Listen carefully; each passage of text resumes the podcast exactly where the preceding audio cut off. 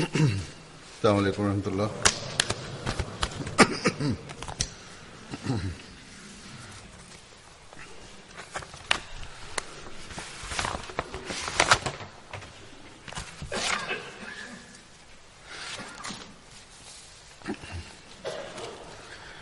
أشهد أن لا إله إلا الله وحده له واشهد ان محمدا عبده ورسوله اما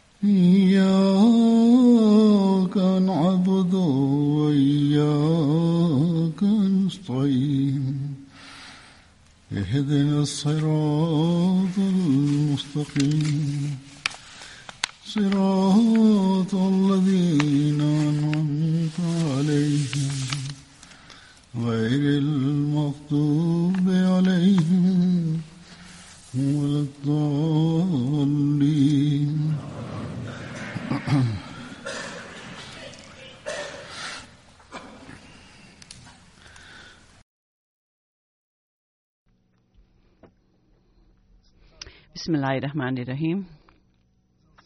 Husur kaže da je Hazreti Aisha radijallahu anha da je prenila jedan hadis da ako dženazu nekom, nekom klanja sto ljudi i svi od njih traže njegov oprost, onda će biti kod Allaha to prihvaćeno.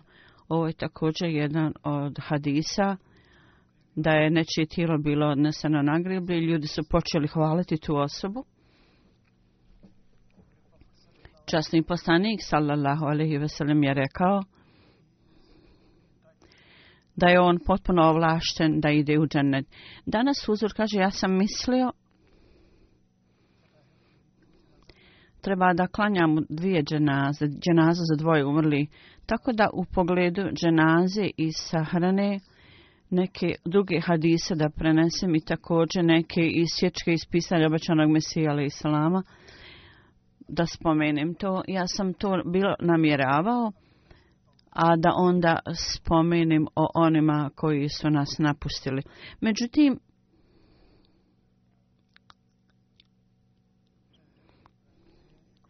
danas u skladu sa ovim razmišljanjem hadis u pogledu ovog predmeta i ovih navoda.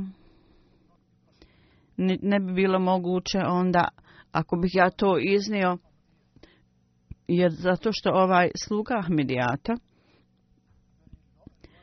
je vrlo odano, sa punom odanošću je obavljao, obavio svoju obavezu prema vakfu i, i i ja ću glanjati njegovu dženazu da njegovo tijelo nije prisutno ovdje. Iako je puno materijala, tako da ne bi bilo vremena da pročitam i hadise i ispisanja, obično mi tako da s velikom teškoćom ja ću uspjeti da prođem kroz ove sve bilješke i mišljenja koje su ljudi poslali. Čak jednu petinu možda neću biti u stanju da spomenem danas. I ovi događaji sami po sebi su za oni koji posvete život služenju vjeri, dakle vak, vakfi, i također potom sa vačanog misija, i sam njegovoj porodici i za rodbinu i za članove džemata. Oni su, oni su upućivači i vodiči na, na mnogo načina za druge. U svakom slučaju, prije nekoliko dana, vrlo uvaženi sahib Zadamir za Mahmed sahib, sin Hazret, Hazret Mirzi Asiz Ahmed sahiba umro je sa 78 godina. Ina lillahi ina ilihi rađen pripadamo i njemu ćemo se vratiti. On je umro kao rezultat iznenadnog srčanog udara. Iako je on imao problem sa srcem neko vrijeme, Međutim, od srce jedan put e, imao je na srčani udari i on je kod kuće umro iznenada.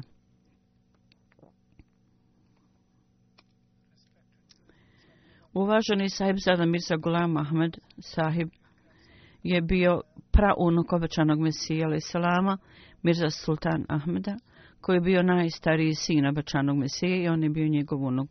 Hazret Mirza Aziz sahib radijallahu anhu je bio njegov sin i Hazreti Mir Aksa sahib. je bio po majci unuk i također bio moj zet, mu, muž moje sestre kaže. Njegova majka, se na Sirabegum, bila je najstarija kći Hazreti Sak sahiba sve ove veze nisu od velike, od velike važnosti, međutim najvažnija stvar u vezi porodice što čini onu stvar koji su zapravo važne stvari, koje su odlike i dobre vrline koje ću ja danas spomenuti.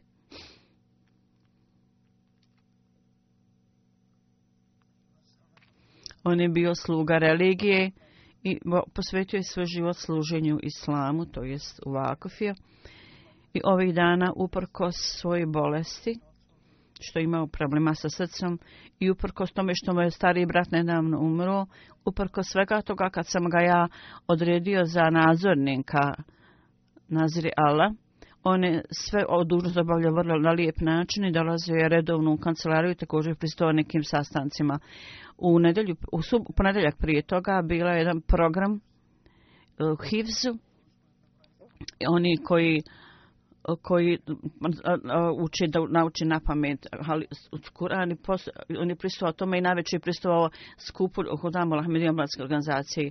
I na dan kad je umro, otišao u razne kuće, raznih ljudi i pitao o njihovom zdravlju. Također je klanjao pet dnevnih namaza u Međidu varku.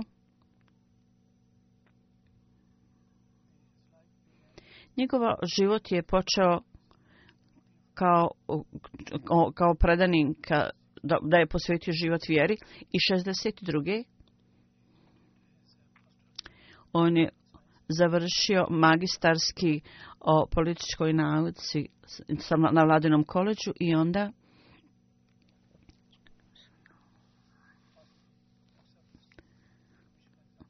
i onda je položio još neke ispite i bio je izuzetno uspješan i on je meni rekao ja sam uzeo ove ispite ljudi kažu da je ovo vrlo težan zadatak i da je vrlo teško proći kroz to.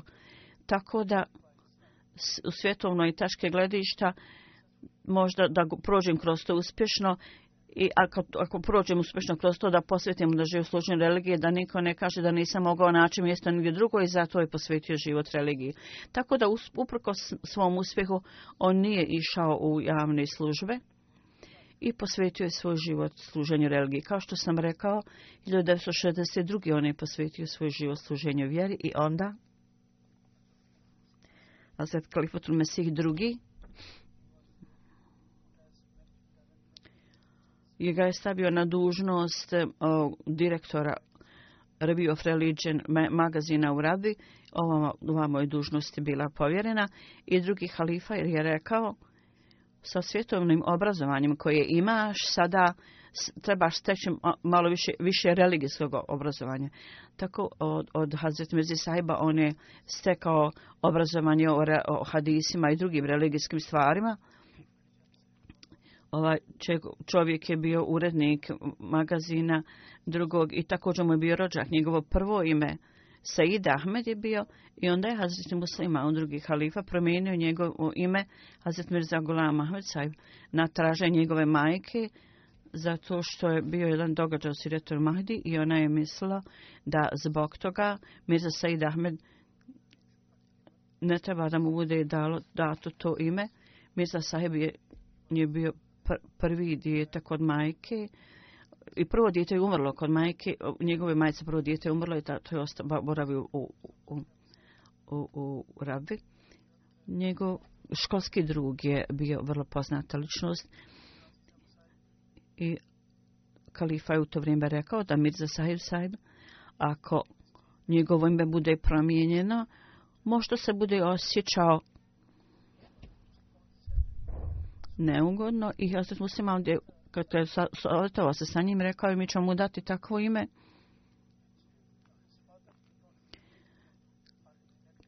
koji njegov otac neće uzeti na, loš način i onda mu je dao ime Mirza Gulam Ahmed. Također mu se u to vrijeme rekao, mi ćemo ga zvati Ahmedom zato što Hazreti Mesih Maud salam je umro ne dugo vremena prije i vrlo je teško za mene da, da, da bilo koga nazivam Gulam Mahmedom.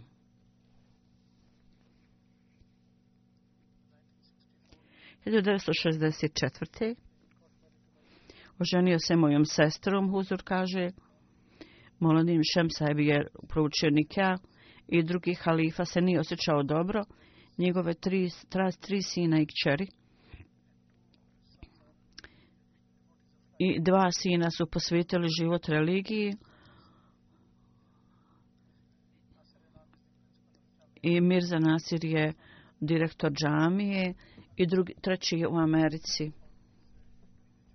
Svi oni imaju svoj posao, međutim tamo također služe religiji kao oni financijski sekretar i također uz, ima dužnost kad je Dželsa, njegova čirka, Zubida, druga je Amitu Ali,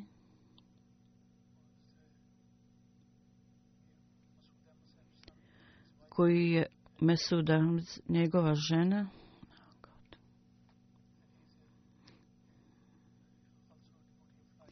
On također posvetio svoj život religiji Mirza Gulam Sahib. U pogledu njegovih službi on je radio kao sal i također mukami mnogo godina i još u nekim službama mnogo godina je služio. Do momenta kad, kada je bio određen za nadzornika Nazir Ala, on je radio kao Nazirvan, i također kao predsjednik predsjednik nadgledanja onog e, groblja i poslije smrti Nazir Mirzi Bashir sahiba. Ja sam ga odredio za Nazir Ala i Amire Mukama i također za predsjednika Hudamu Lahmedija. Čak prije toga u vrijeme četvrtog halifata on je mnogo puta bio određen kao o službeni, službeno kao Nazir Allah i Sadr Sadžan Anduma Ahmedija. Također je bio predsjednik Vakfi programa i bio je predsjednik također Vakfi u Ansar, i bio je član kabineta bio je predsjednik također neke još službe, za čim je postao zamjenik predsjednika i postao je predsjednik kancarula muške organizacije preko 40 godina. Hudamal u Mladinskoj organizaciji. on je radio mnogo godina u određenoj službi, zatim je postao zamjenik predsjednika. I onda je bio određen u Hudamul Ahmedija od 65 do 69. je bio predsjednik te omladinske organizacije Da. Bio je urednik Review of Religion magazina i radio je kao privatni sekretar Hadika Svotul Mesih III. Bio je predsjednik komiteta za halifat i drugih, komite, e, i drugih odbora i jedan je bio od direktora. Slično tome u vrijeme Đelsa Salane za mnogo, mnogo godina on imao priliku da služi sve dotle dok, se, dok ne počne želsa, dok se ne, ne održi. to je vrlo, vrlo velika dužnost i velika odgovornost i mora se obavljati sa toliko mnogo rada da nekad Neahmed i drugi ljudi moraju pripremati hljebe ili nešto i, ima, i vrlo je tež, težak zadatak također ponaša, sa ljudima se e, raditi. Allahovom milošću on je vrlo lijepo obavio svoju dužnost. Tabara Komititan je bio predsjednik ovog odbora. I on je zapisivao govor obećanog i Salama. Bio je također član Mađlise Afta i drugog još odbora i na raznih drugih odbora i također direktor Šalakot ja jako, jako mnogo poslova je obavljao skupa sa dužnošću Nazareta, bio je odgovor za, odgovoran za ove stvari. 1989. On Mirza Kušid sahib i još dva druga člana Sadar Anđuma Nahmedija. 1980, ne znam koji godine, izvinjavam se, pogrešno je meni prevedeno na engleski, bio je zatvoren, bio je zatvoren u ime religije. 2010. događaj koji se dogodio u Lahoru, gdje je mnogo, mnogo ljudi bilo ubijeno i stakli su položaj šehida. Delegata koji su posle nazirala, odmah je poslan odbor tamo, delegacija s ciljem da utješe džemat Lahor i također da pazi na familije i da također pazi na povriđene ljude. I ovaj gospodin umrli, umrli je bio član te delegacije. dok je bio u Lahor, do vremena dok tijela šehida nisu odvedena u, u, bolnicu i skoro dva mjesta je boravio u Lahor i on je nadgledao sve aranžmane. Delegacija je otišla u Darul Zikir i vrlo predano, s velikim naporom, on je obavio sve ove dužnosti. Obavljao je sve dužnosti. Oni koji su bili povrijeđeni, on je nadgledao njihovo liječenje također. I također je posjetio porodice ubijenih u Darulzik džamiji. On je održao sastanak mađlis, tako da je, da je predvodio namaz Akšem i, i, i Jaciju i Iša, jer su ljudi mislili da će možda poslije tog događaja džamija biti napuštena. Međutim, on je tamo klanjao kao imam. Tako da je bio u bolnici, pazio na povrižne ljude. U to vrijeme Salman Tašir, koji je bio guverner, došao je i izrazio je svoje saučišće. Tako da Mirza Sahib je skrenuo njegovu pažnju Mirza Gulam je skrenuo pažnju i rekao ovaj napad se dogodio zato što džamat Ahmedija je, je žrtva eh, razne literature koja širi mržnju, zato treba da posvetite pažnju u ovoj situaciji. Slično tome ovaj provincijski jedan nadzornik Džaval Sahib također je došao da izrazi saučišće. Ovdje on je rekao ovom ministru vrlo hrabro, rekao, došao se da izlaziš za, sa mi smo zahvali za to. Međutim, treba da ova stvar bude jasna. Mi ne vjerujemo mi da smo mi manjina, mi smo muslimani. I ministar je rekao, ja sam ministar za ljudska prava, ja sam zato ovdje. On je rekao svom kolegi, Mirza Sajmo je rekao, treba da podigneš svoj glas u kabinetu. U svakom slučaju on je ovako skrenuo pažnju ministra na njegove odgovornosti i dužnosti. Stvarna stvar je da se mi uvijek okrećemo Allahu Đelšanhu i Allah Đelšanhu će popraviti sva stanja o zajednici. 29. i 30. maja on je održao konferenciju za štampu u Lahoru.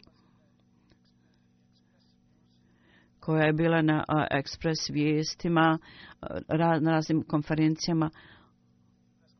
Od 11 do 12 je bila konferencija. On je prisao 11 do 12 BBC i razne druge glasovi iz Amerike, Harad kanal i Dunja televizija. Oni su objavili ove vijesti ovim ljudima svojim. On je tamo rekao vrlo jasno, mi smo muslimani, u svom intervju je tako rekao i niko nema moći da tu, titulu od, nas otme.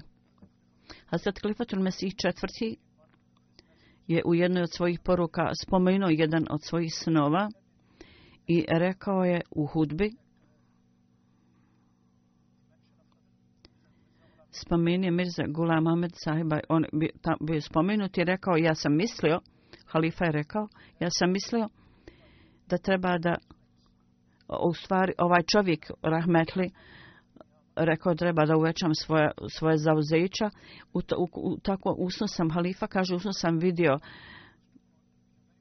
Ahmad sahiba ovog umrlog, koji je uvijek davao dobar savjet. Ali sad Kalifa Tomezi četvrti je rekao u polučasnom Korana, njegov savjet je bio da umjesto da dodam neke bilješke na tafsir, da trebam napraviti svoj vlastiti prevod.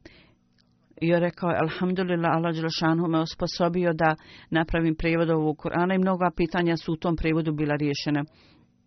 I ovo je dugačak san halife. I rekao je, u, u početku također pitanja sklapanja braka, također zaposlenja mladića, kakvi planovi trebaju biti. Jako mnogo prijedloga je iznio Kalifatul Mesih četvrtom usnu i rekao je to sve može biti urađeno ovako i ovako. U jednom pismu kalifatomni četvrti mu je napisao i rekao Dragi Ahmed, da te Allah pazi, selam aleikum, ja sam primio od tebe pismo zabrinuto, ja uvijek molim Allaha, u tvoju prirodu je Allah stavio istinitost, onaj, onaj ko ima ovu odliku nikada Allah neće dozvoliti da, da budeš, da budeš izgubljen. Allah će ti dat, da tjela da ne se više napretka i duhovno i, i, i moralno i materijalno. Slično tome, u drugom pismu on je rekao, Hazrat Keftul Mesih četvrti je rekao, ja, se, ja uvijek tebe spominju u, svojim dovama i to je tvoje pravo. Ti si moj pomagač u mojim dužnostima da ta lađa lašanu čuva zaštićenim i da nemaš nikakve brige ni, ni zabrinutosti, ni zamirenja u sebi. I on je napisao sjeti se mene u svojim dovama, moja želja je da se Ahmedijat proširi do svih ljudi brzo i rekao je MT je jedno oružje koje tamo radi, molim te pošaljite nam dobre programe da budu suda pokaženi. I šeitan i njegove sile da potpuno budu uništene, da budu potpuno u lancima u toku ovog mjeseca Ramazana. Njegova žena, Aseti Kudus Sahiba, kaže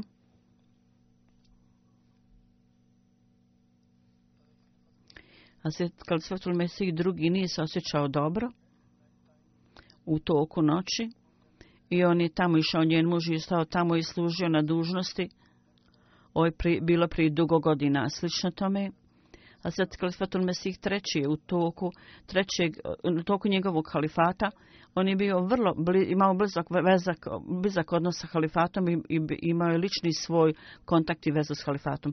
74. godine, mnogo, mnogo dana, dugo vremena on je ostao u mjesto kalifata i Bešir Sahib, Bešir i nije im bilo dozvoljeno da idu u kuću 73. 74. osobito i kasnije kad je bio predsjednik omladinske organizacije Hudamu Lahmedija on je radio vrlo naporno i dugo vremena nije dolazio kući. Ujutro bi odlazio njegova navika je bila da dođu najveći u da dođe kući najveći u deset sati. Sveti Klifatul Mesih treći mu je dao vrlo posebnu čast u prilikom jedne ištemi, kad, kad je on tražio rekao uzor će nas predvoditi da, da iz, izgovaramo svoj zavisnost. me Mesih treći je rekao rekao ti predvodi. On je bio predsjednik Sadr Hudamul Lahmed organizacije i Huzur je e, kao i drugi članovi obavljanske organizacije ponavljali poslije njega. Mirza Rušid Ahmed Sahib e, na njegovoj smrti, ja sam spomenuo da je Kalifatul Mesih četvrti rekao ova dvojca ljudi su vrlo odani meni, Huzur je rekao četvrti kalifa i oni su odani svakom halifatu. I on je također meni rekao, ali nije rekao svoje ime, tako da, da je on sam e, spomenuo Mirza Gušin. Zapravo Mirza Hudam sahib i, i oni su za Mesih četvrti je rekao, oni su obojica odani svim, svakom halifatu odani su meni i njegov prstin je negdje bio zagubljen, pa je tražio da mu se nađe. Prethodno je on govorio, prvo bi spomenuo moje ime Ahmed i onda Kuršid. I ovo su dvojica od mojih vrlo odanih prijatelja, odanih prijatelja tako je rekao, i oni su odani svakom halifatu.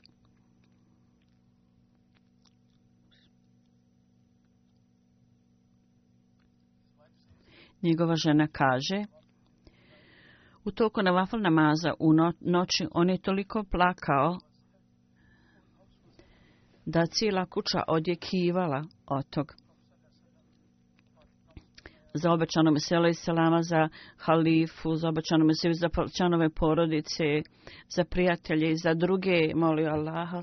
I ponavljao je stalno riječi suli el Fatiha i u, u toku namaza, na vafal namaza i bio je vrlo blizak sa svojim članima porodice i djecom, međutim nije bilo nikakvog elementa nepravde.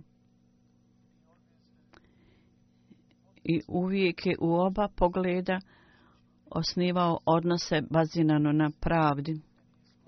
Ako bi čak njemu bio dat najmanji poklon, on bi bio jako to cijenio. I on bi dao, natak uzvratio poklonom ili poslao poruku ili pismo zahvalnosti. Jedna od njegovih odlika je bila da kad mu je bila data kakva dužnost, on ne bi, na miru sjedio dok to ne bi završio. Bio je pun znanja i memorija mu je bila vrlo dobra, pamćenje je bilo dobro. I ako bi ga neko pitao neke stare stvari vezano u neke, vezano neku osobu drugu, oni su pitali njega uvijek o tom.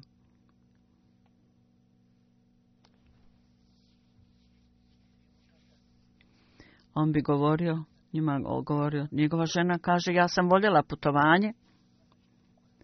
I bilo da on financijski to mogao priuštiti ili ne, međutim uvijek je nastao, nastao da povede svoju ženu kad bi išao negdje. I njegova žena, moja sestra, je napisala, žena Abdurrahman Sahiba je usno vidjela Abdurrahman Anversar. Ka, kao dvije, dvije biljke da, da rastu na vratima njegove majke i da je tamo vrlo prelijepo cvijeće, tako da je njego, njen san bio ispunjen u ovom smislu. Njegova žena kaže, kad odje bio neki prihod, kad bi dao, on bi dao doprinos i onda ostatak para bi potrošio. Njegova žena također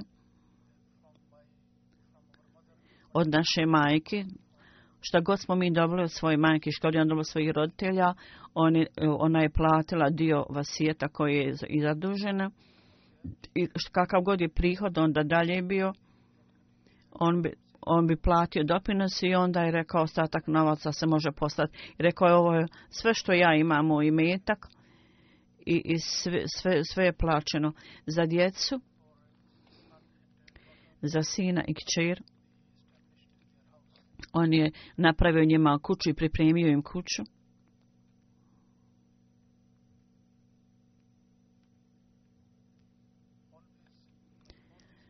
Uvijek obojca, ova braća i mnogi su ljudi meni pisali i ja sam cijelo vrijeme to govorio da su bili oni uvijek zajedno.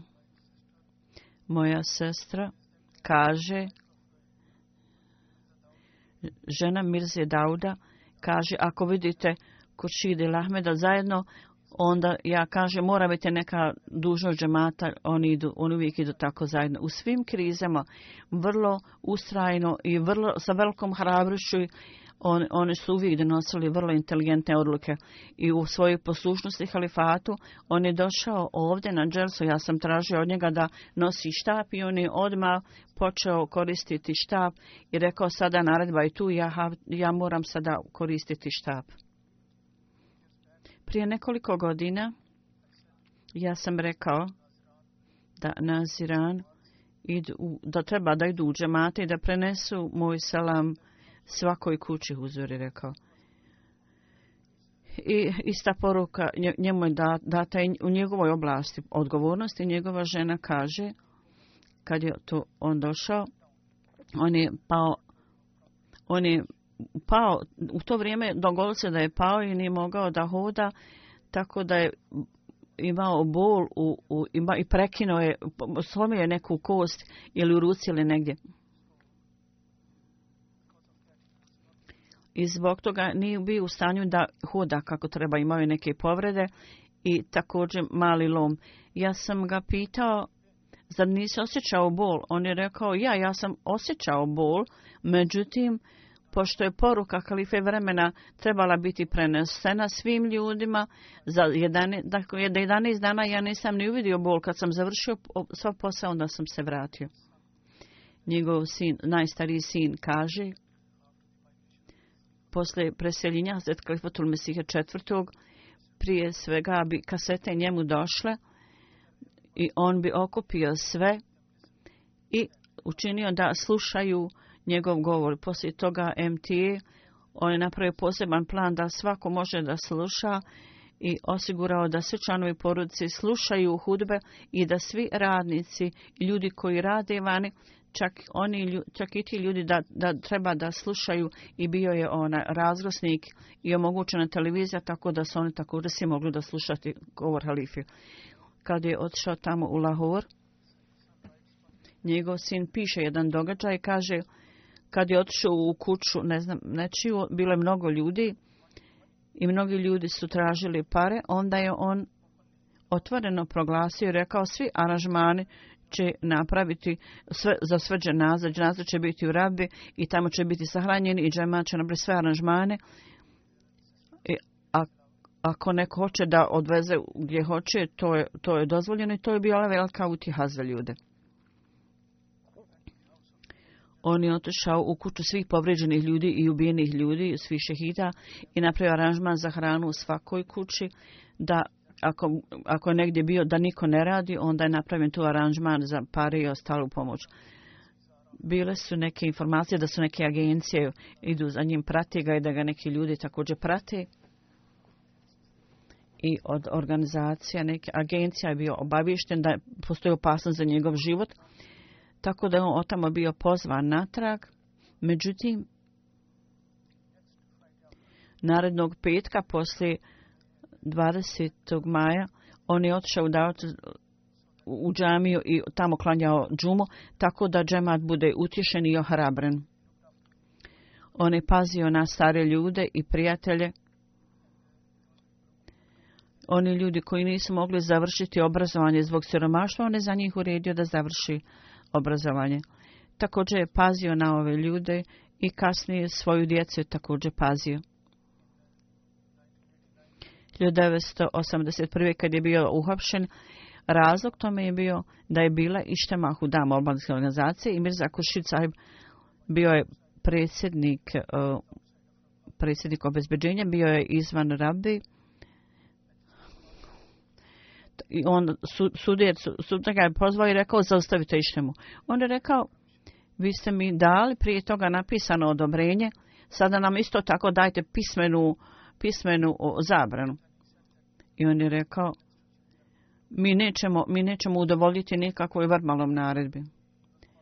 Tako da onda su, onda su on drugom ovom nadzorniku i on isto dao isti odgovor. Kao rezultat toga on su odvedeni u, zatvor nekoliko dana. Njegova kćerka kaže, naš otac je učinio sve što može da bude odan halifatu i nama davao isti savjet. Ona kaže, jedan put moj otac je tražio od mene da vrlo revno molim Allah činim dove, ja ne znam šta je bio razlog, međutim bio je osjećaj takav da možda postoji neko nezadovoljstvo prema halife vremena, možda su ljudi to pokazali i zato je, to je bio razlog što je bio tako tužen i tako je, onda je bilo to njegovo stanje, a tako je također onda bilo i moje stanje u to vrijeme, u te dane, u te dane, tih dana. Kad je Hazreti Kalifat Mesih četvrti preselio, njegova majka je bila jako bolesna, ovog umrlog, i noć kad je kad je iselio četvrti kalifa, izgledalo je do, da je to zadnja noć njegove majke. Međutim, on je bio zauzit u poslovima džemata da napravi razne aranžmane, tako da nije otišao u sobu svoje majke. Bio je zauzit u poslovima džemata. I slično tome u u, u, u vrijeme petog kalifata, mog kalifata, njegova poslušnost i odanost je on isto tako postupao sa velikom odanošću. njegov sin ga je pitao, zar ne vidiš da je ovdje Božja pomoć da dokaže istinitost petog kalifata? jer Božja pomoć je uz njega. Jedan njegov sin kaže, on, se, on je ustajao radi namaza i neko vrijeme je je bio vrlo, vrlo prema, tome, prema tom predmetu, međutim poslije je postao malo blaži. I sva pisma koja je primio, njegov sin kaže, sva pisma koja su došla žene, i on je napravio kopije svih ovih pisama i dao svoj djeci i rekao, ovo su vaša sredstva za život, čuvajte to uza se. Vjerovatno uzorova pisma.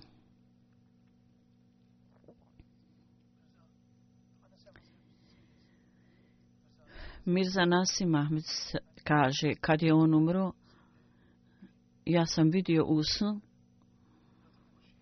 da brat Huršid i Ahmad da se otišli častnom poslaniku i da imaju sastanak sa časnim poslanikom i sabačanim misijom. Onda u mom srcu je bila želja da ja također budem u stanju, da budem na ovom sastanku i molio sam Allaha.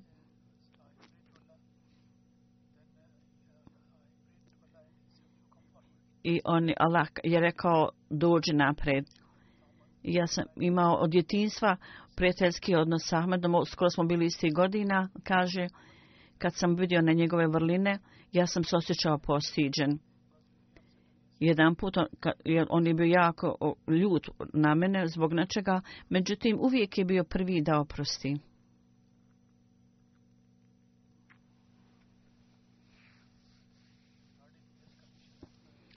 U pogledu njegovog stanja i badeta, kad god sam ga vidio da, da obavlja namaz, ja sam osjećao zavist, kako on predano i sa revnošću, on obavlja namaz, bio redovao namazu i uvijek išao u, u, u džamiju.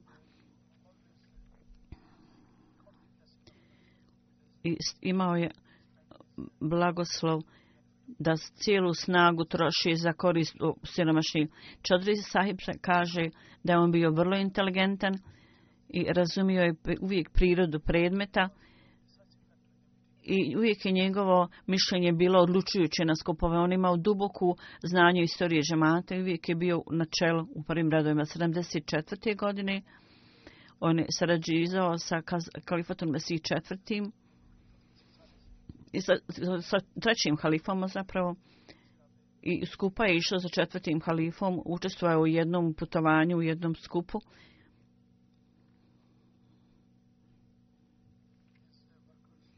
Njegov radnik Akram Sahib kaže, on piše,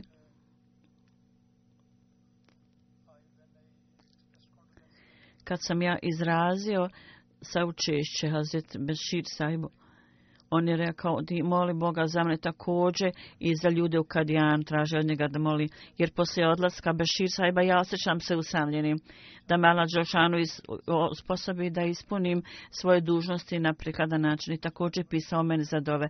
Kad god je otišao u Kadijan, on, on bi otišao u kuću derviša, oni 300 činisa ashaba, ovčanom i sjeli koji su ostali kadijano i također hudovica i siročadi nastojao da pomogne ovim ljudima tamo. I u pogledu svi, časnih mjesta imao je veliko znanje i Ekrem Sab piše kad bi on dolazio, došao u Kadijan, kad bi stigao u Kadijan, on je išao do, na sva ova mjesta gdje je obećan Mesija stajao i obavljao namaz. I također mene savjetovi Igor, ti se vrlo sretan da, da, živiš na ovim časnim mjestima, zato vrlo, vrlo revno moli bat na ovim mjestima. U Sudan, Kudam Lahmedija obavljao vrlo do, dobre istaknute službe. On je dostigao svuda a piše da jedan put bilo, obilazili su oblast Sind i na nekim mjestima nije bilo, nisu mogla auto, nije mogla auto ići, tako da je on išao pješke u džunglu i odlazio bi tamo omladincima. I omladinci su bili jako impresionirani i kažu da se i do danas toga sjećaju. Hapsar Munir u Tahrike Ahmedija Kaže, on je bio vrlo korisna osoba za tu svrhu, on je bio član savjetodavnog vijeća i išao je do, doslovno u poknjizi služu i vrlo je davao dobre i prelijepe prijedloge i također nas vrlo lijepo upućivao. I pozadina događa u džematu, on je u potpunosti bio upoznat s tim.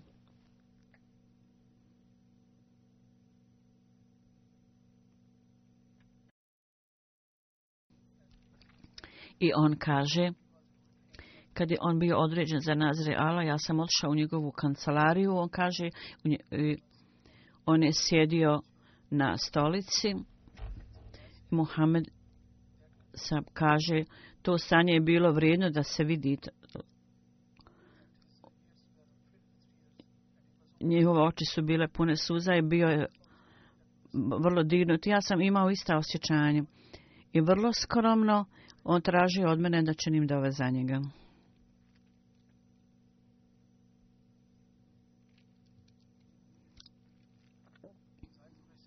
Zaid, Zaid kaže, kad je on bio predsjednik u Damo lahmedija ja sam trebao poslati poruku do njega i ja sam odšao u kancelariju, predao mu pismo, bio je polovina dana nakon što je primio ovaj papir, on je rekao, jesi li jeo? Ja sam rekao, kad završim posao, onda ću ići i jesti. On je rekao, ne, ne, ideš sa mnom, idi sa mnom. Ili sjedi ovdje, ja ću napraviti aranžman. Ja sam mislio da će on možda iz, iz ove službe za zjafet za, za služenje gostima, donijeti hranu. Međutim, on je uzeo biciklu i rekao, ti sjedi nazad i odveo me. I na putu ja sam rekao da ću ostati u Darul Jafet, tako da me vrlo je toplo vrijeme bilo i odveo me u svojoj kući i onda smo jeli i on me onda ispratio. Sa svakim omladincem on je bio imao lični odnos i u Lahmedi omladinske organizacije, To je bila njegova priroda.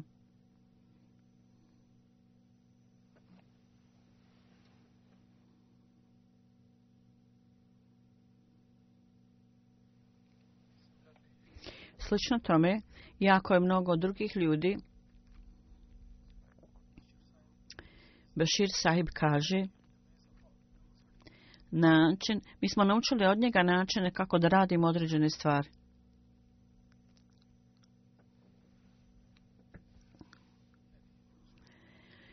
On je i uvijek išao u dubinu stvari.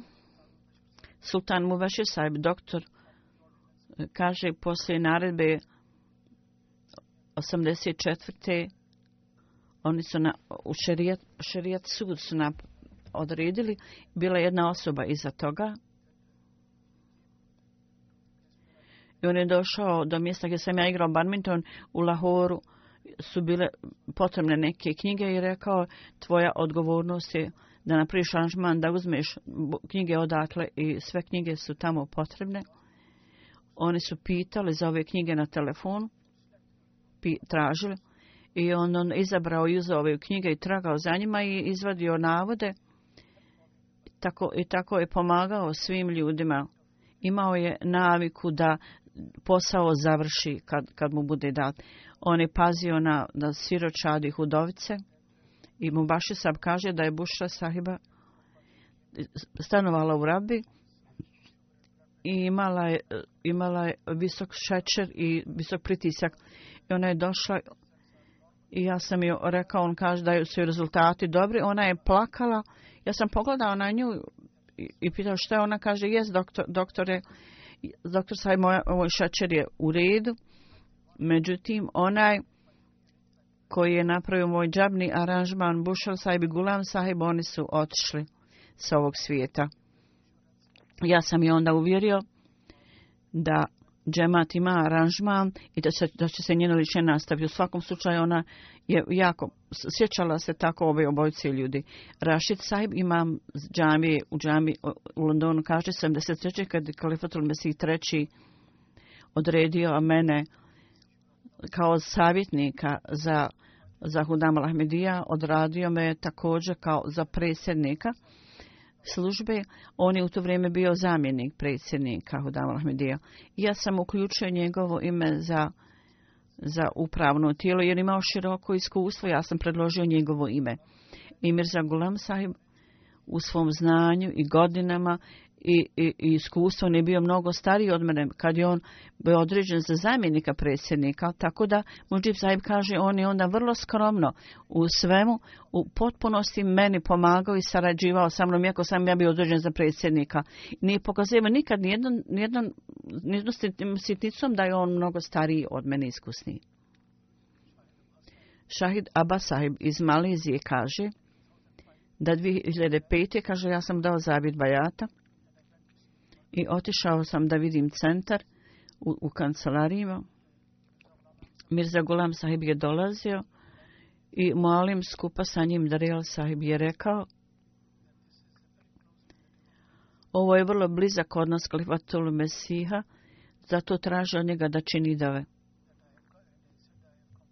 Ja sam rekao, ja sam u, zajednicu došao i šija, on je mene zagrilo i vrlo čvrsto me držao za ruku i čvrsto rekao, Zašto da ti ne kažem o osobi o kojoj ja tražim dova Ja sam pitao koji to, on je rekao kalifatul, to je kalifatul Mesih. On je rekao uvijek piši kalifatul Mesih i traži dove ovaj od njega. Ovaj novi Ahmedi je rekao ljubav i naklonost i želju koju sam ja vidio u njegovim očima, to je bilo nešto prelijepo. Sada samo su ostali u izgledi toga sjećanja. O jedan misionar kaže jedan dan, Čadri Mohamed Ali sam je rekao, da u sred dana bilo jako vruće i Ahmed Saib je tragao za nekim ko može dići podići ša, ne, ko može obaviti neki posao štampanja i rekao ja sam dao nekome lijek, pogrešno lijek i tragam za tom osobom tako da on to ne uzme i ja idem mu naokolo i tragam za tom osobom tako da mu mogu, mogu dati, dati antidozu. Slično tome sve dužnosti u raznim situacijama su njemu bile date razne dužnosti. On je sve te dužnosti vrlo lijepo ispunio. Mnogi ljudi su pisali o tome, jako je mnogo primjera toga.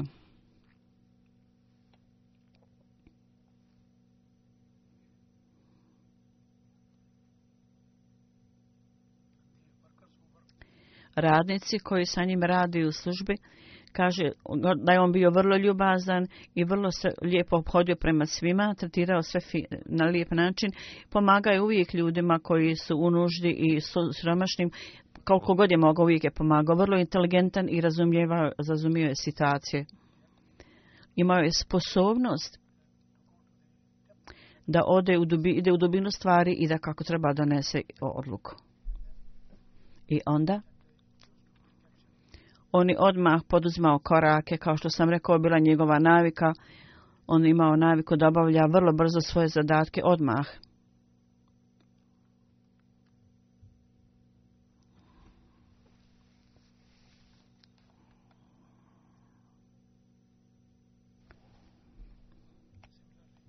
Slično tome, neka, neki mladinci su došli u kancelariju samo prije nje, malo, kratko njegove prije smrti i neki radnici nešto su pogrešili bili.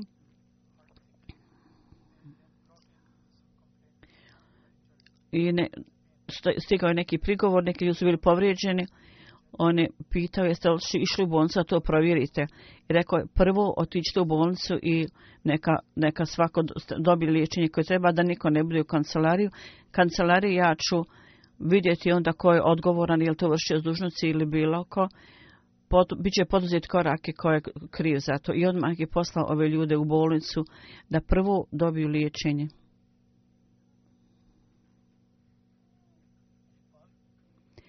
Iqbal Bashir Saib kaže, kad je on određen za nazira, predsjednika, valjda nazirnika, i, i u, imaju kancelje, bile su dvojica službenika i nekih vođa. I mnogo puta mi ja sahib bi došao i sjedio s nama. I pomagali su da su pisma odašelju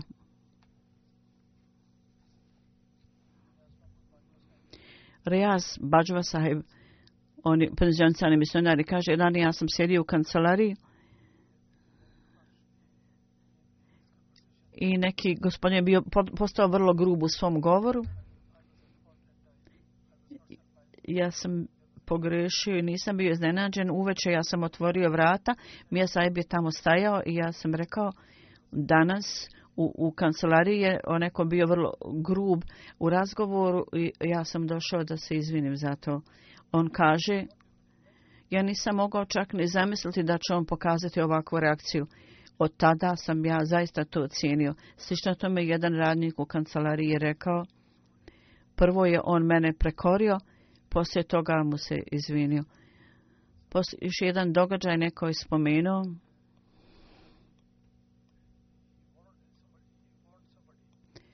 On je upozorio nekoga.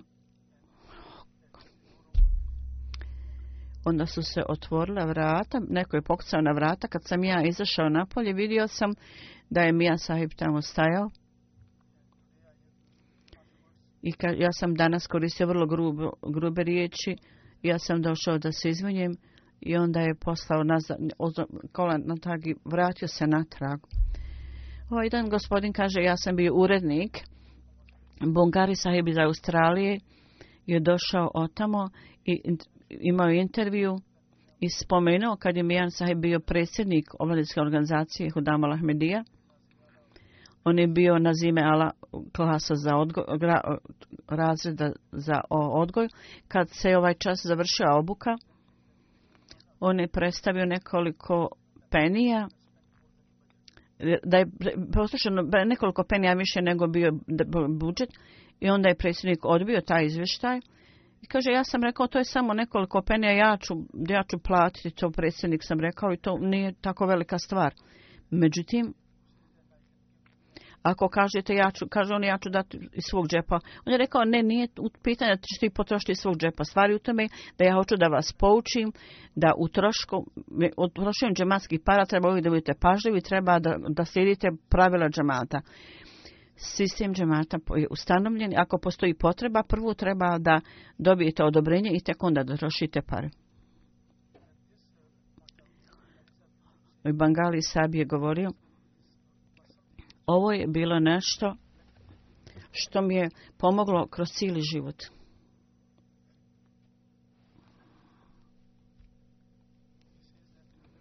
On kaže da je bio vrlo blizak sa hilafetom. Jedan put u nekom odboru u pogledu zekijata bila je diskusija u pogledu zekijata. i je pripremio izvještaj da zekijat na konje i to možda je bilo da, da ne treba davati zekat na konja, on je to odbio jer je kao treba to ponovo istražiti. I postoji potreba da se o tome donese ispravna odluka. I razni odbori su bili tu, međutim poslije diskusije oni nisu mogli doći do, do odluke i onda predsjednik kaže da smo odredili njega kao predsjednika, tako da svi ljudi su došli vrlo dobro pripremljeni kakav god način da razmišlja, da znaju iskazati svoje razmišljanje. I kaže, on je saslušao, slušao neke argumente neko vrijeme i rekao, kad kalifa vremena odluči, zašto onda vi dalje razmišljate o tom? On je odbio sve razloge koji su bili predstavljeni. I on nije rekao da je on veli, ko je veliki alim i ko je to rekao. On kaže, Tahrike Ahmedijad on je bio u enciklopediji džema, džemata, navoda džemata. I ja pišem životnu, životni životnu priču obično Meseje Saleme, kad god mi treba nešto, ja sam njega konsultovao, jer njegovo znanje je bilo vrlo čvrsto i savršeno u ovim stvarima. U pogledu mjesta u Kadijanu, on je bio vrlo dobro obavišten, vrlo je znao, znao. Ako bi neko rekao, ako neko traži od njega da pokaže vam mjesta, on bi išao do tih mjesta. Jedan put se nije osjećao dobro, imao je nešto na stopalu i on ipak nije odbio, nego je išao s ovim, odveo ove ljude. Išao sa njima u obilazak. Tek poslije je rekao da ima bol. onda smo mi, ovi ljudi kažu, nama je bilo onda žao što smo ga toliko stavili u teškoću. Slično tome, jako je mnogo drugih stvari.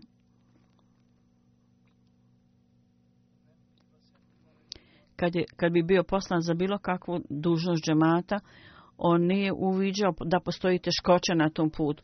Jedan put kad je bio o, o, o džematskim stvarima, bilo je sukob od dvije strane, on je bio poslan da izmiri ovu situaciju i na jednom mjestu kola su zapala i Kuršid Sabim i Ansab, obojica njih su postani bili na, na, ovom, na onom trokolici i tako su otišli.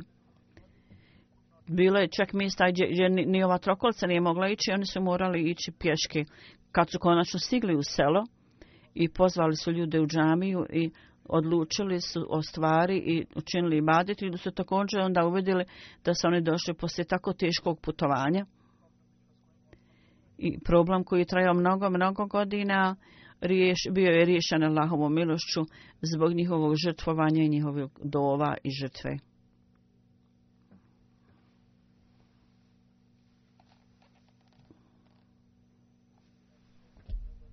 Jako je mnogo drugih događaja. Jedni su slični drugima i nema dovoljno vremena da sve spomenemo njegova ljubaznost prema radnicima. Mnogi ljudi su govorili i rekli da, da je vodio brigu o njihovim najmanjim zahtjevima i potrebama.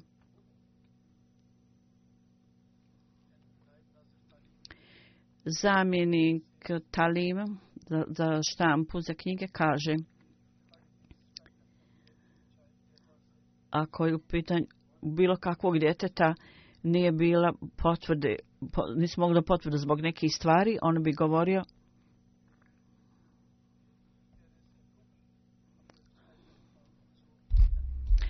Ako imamo potvrdu od huzura, onda to spomenite, onda je to bilo.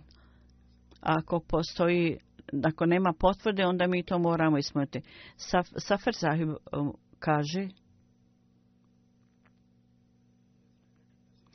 on je napisao pismo i iznosi isti događaj o tome kako je uh, slomio, slomio uh, nogu i na, na, na nozi imao lom, ali nije nego nije brinuo se o tome, nego obavljao svoju dužnost.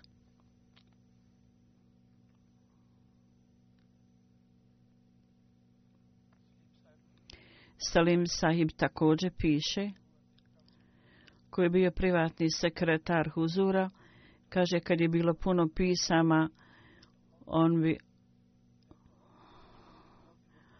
on kaže da je, svi radnici su ostavili to, svu poštu koja je bila panjena i svim radnicima dali dio. Međutim, on uvijek uzimao dio više nego drugi ljudi i pisao je odgovor i završi, završavao je posao prije nego bilo ko drugi. Bio je vrlo stručan u pisanju i sastavljanju pisama i njegovo pisanje također, rukopis je bio vrlo, vrlo lijep i dobar.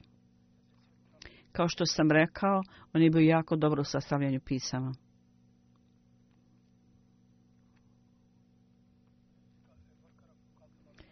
radnik Kovar Malamar kaže mi smo pisali historiju Tahrike Džedid u pogledu financijskog žrtvovanja.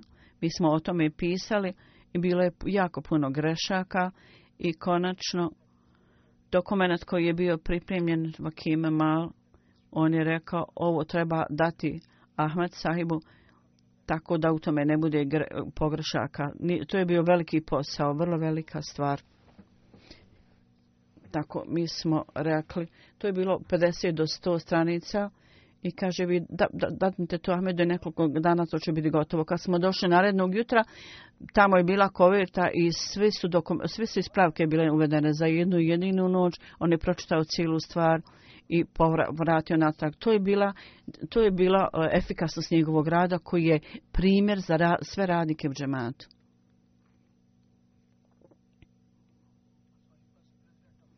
On je bio predsjednik se Karbartas o stvari koji su vezane za Sahranu i također je tamo napono radio. Kad je bilo u, slajdu u jedan gospodin kaže, svi misionari, morabići sa familije bili tu, napravi listu svih. Skupa sa svojom ženom, on je otišao do svake kuće i govorio, vaš, tvoj muž je na polju, radi nešto, ako imate bilo kakvu potrebu, nemojte pisati njima, nemojte ih uznemiravati u njihovim dužnostima, nego pišite meni.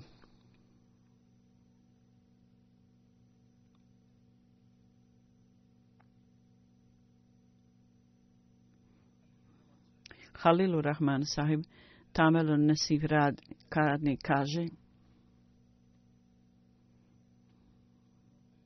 Čadri Mohamed Sahib.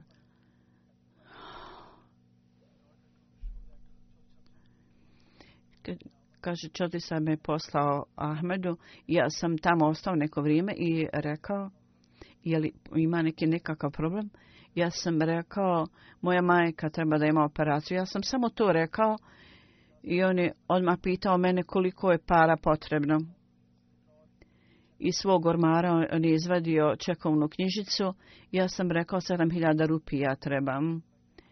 I kad moj račun dođe, onda možeš uzeti pare odatle. Međutim, on je meni dao ček sa svog ličnog računa i ja sam rekao, ja molim Allaha, nije problem. Hoće li račun doći, hoću li ja uzeti ili ne, uzmi ovu, ove pare i kako trebaš više, dođi k meni. I nikad nemoj imati nikakvog straha.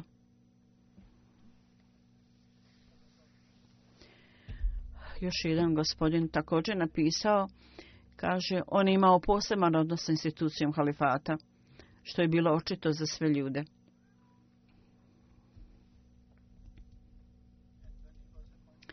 I kad je bio određen za Naziri Ala, na skupu Anđumana, prva stvar koju je spomenuo pred svima na skupu, ne treba, rekao je, ne treba da pitam za saradnju, jer svi ste vi sluge džemata, jer i kalifatul Mesih mene odredio. Međutim, ja trebam vaše dove. Je ponekad je vrlo teško stati na, na, stati na, na korake gdje su nekada stali naši stariji.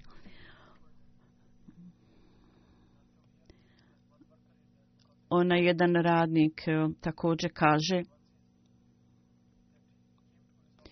Oni dolaze u svoju kancelariju. Došao jednom u našu kancelariju i rekao, ja sam došao da vas napustim. Mi smo posla vrlo emotivni i rekli smo, ti si ovdje mnogo godina povedena sa sobom. On se nasmio i rekao, kako vas ja mogu odvesti odatle, jer ja također idem po naredbi kalifatul Mesiha. I odatle, Allahovom milošću, poslije nekoliko dana, on je otišao, Allahu poslije nekoliko dana.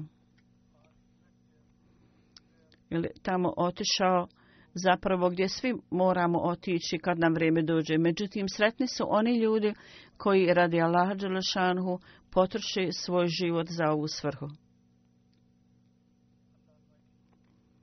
Da Allah Đelešanhu uzigne njegov položaj i također osposobi njegove potomke da se čvrsto drže ovih vrlina i dijela koja je on učinio. I svi oni koji su posvetili život služenju islamu, vakfi, vakf, da također nastoje da rade kako je on radio sa odanošću i predanošću i, i obavljao svoje službe, da Allah Đelšanu također osposobi druge ljude da obavljaju svoje dužnosti tako na taj način. Da Allah također u budućnosti također dane vrlo pobožne i predane i odane sluge da Allah omogući džematu u buduće ovakve radnike. Druga dženaza koju ću ja danas klanjati je za Mukarema Divanu Hatu sahiba koja je 26. januara sa 87 godina umra i umrla Lina Lilahvina ili Rađun. Ona je imala visoki plitis, pritisak i imala je neku infekciju. Poslije operacije je umrla za jednu sedmicu.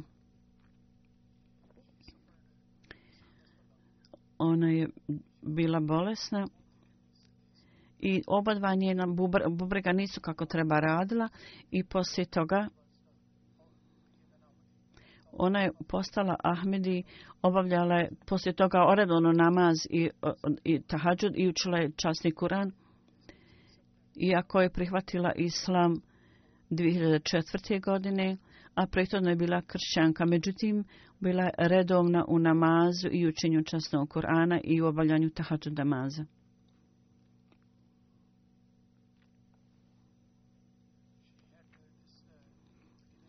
Ona je imala ovaj osjećaj da postoji problem sa u stanju muslimana. Tako, tako da je prihvatila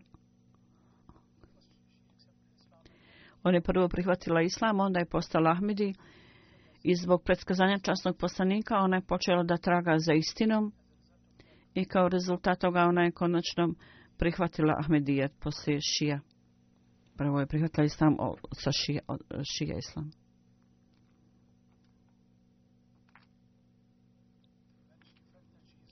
Kad je smatra da, da, ide ka smrti, kad je prihvatila Ahmedijat, bila je vrlo blizu svojih zadnjih momenta.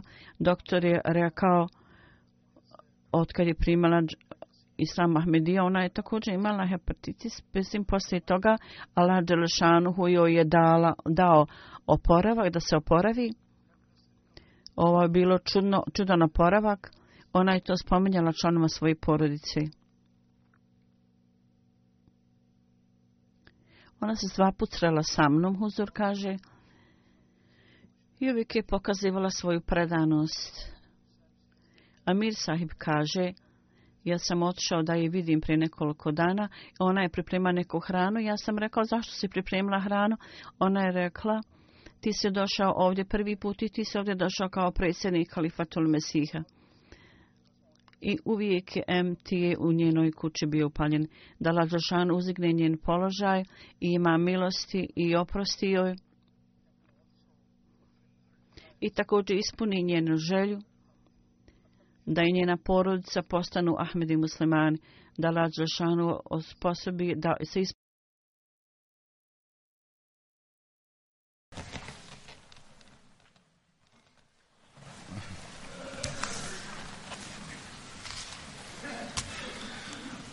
الحمد لله الحمد لله نحمده ونستعينه ونستغفره ونؤمن به ونتوكل عليه ونعوذ بالله من شرور انفسنا ومن سيئات اعمالنا من يهده الله فلا مضل له ومن يضل فلا هادي له ونشهد أن لا إله إلا الله ونشهد أن محمدا عبده ورسوله عباد الله رحمكم الله إن الله يأمر بالعدل والإحسان وإيتاء ذي القربى وينهى عن الفحشاء والمنكر والبغي يعظكم لعلكم تذكرون اذكروا الله يذكركم وادعوه اذكروا الله يذكركم وادعوه يستجب لكم ولذكر الله أكبر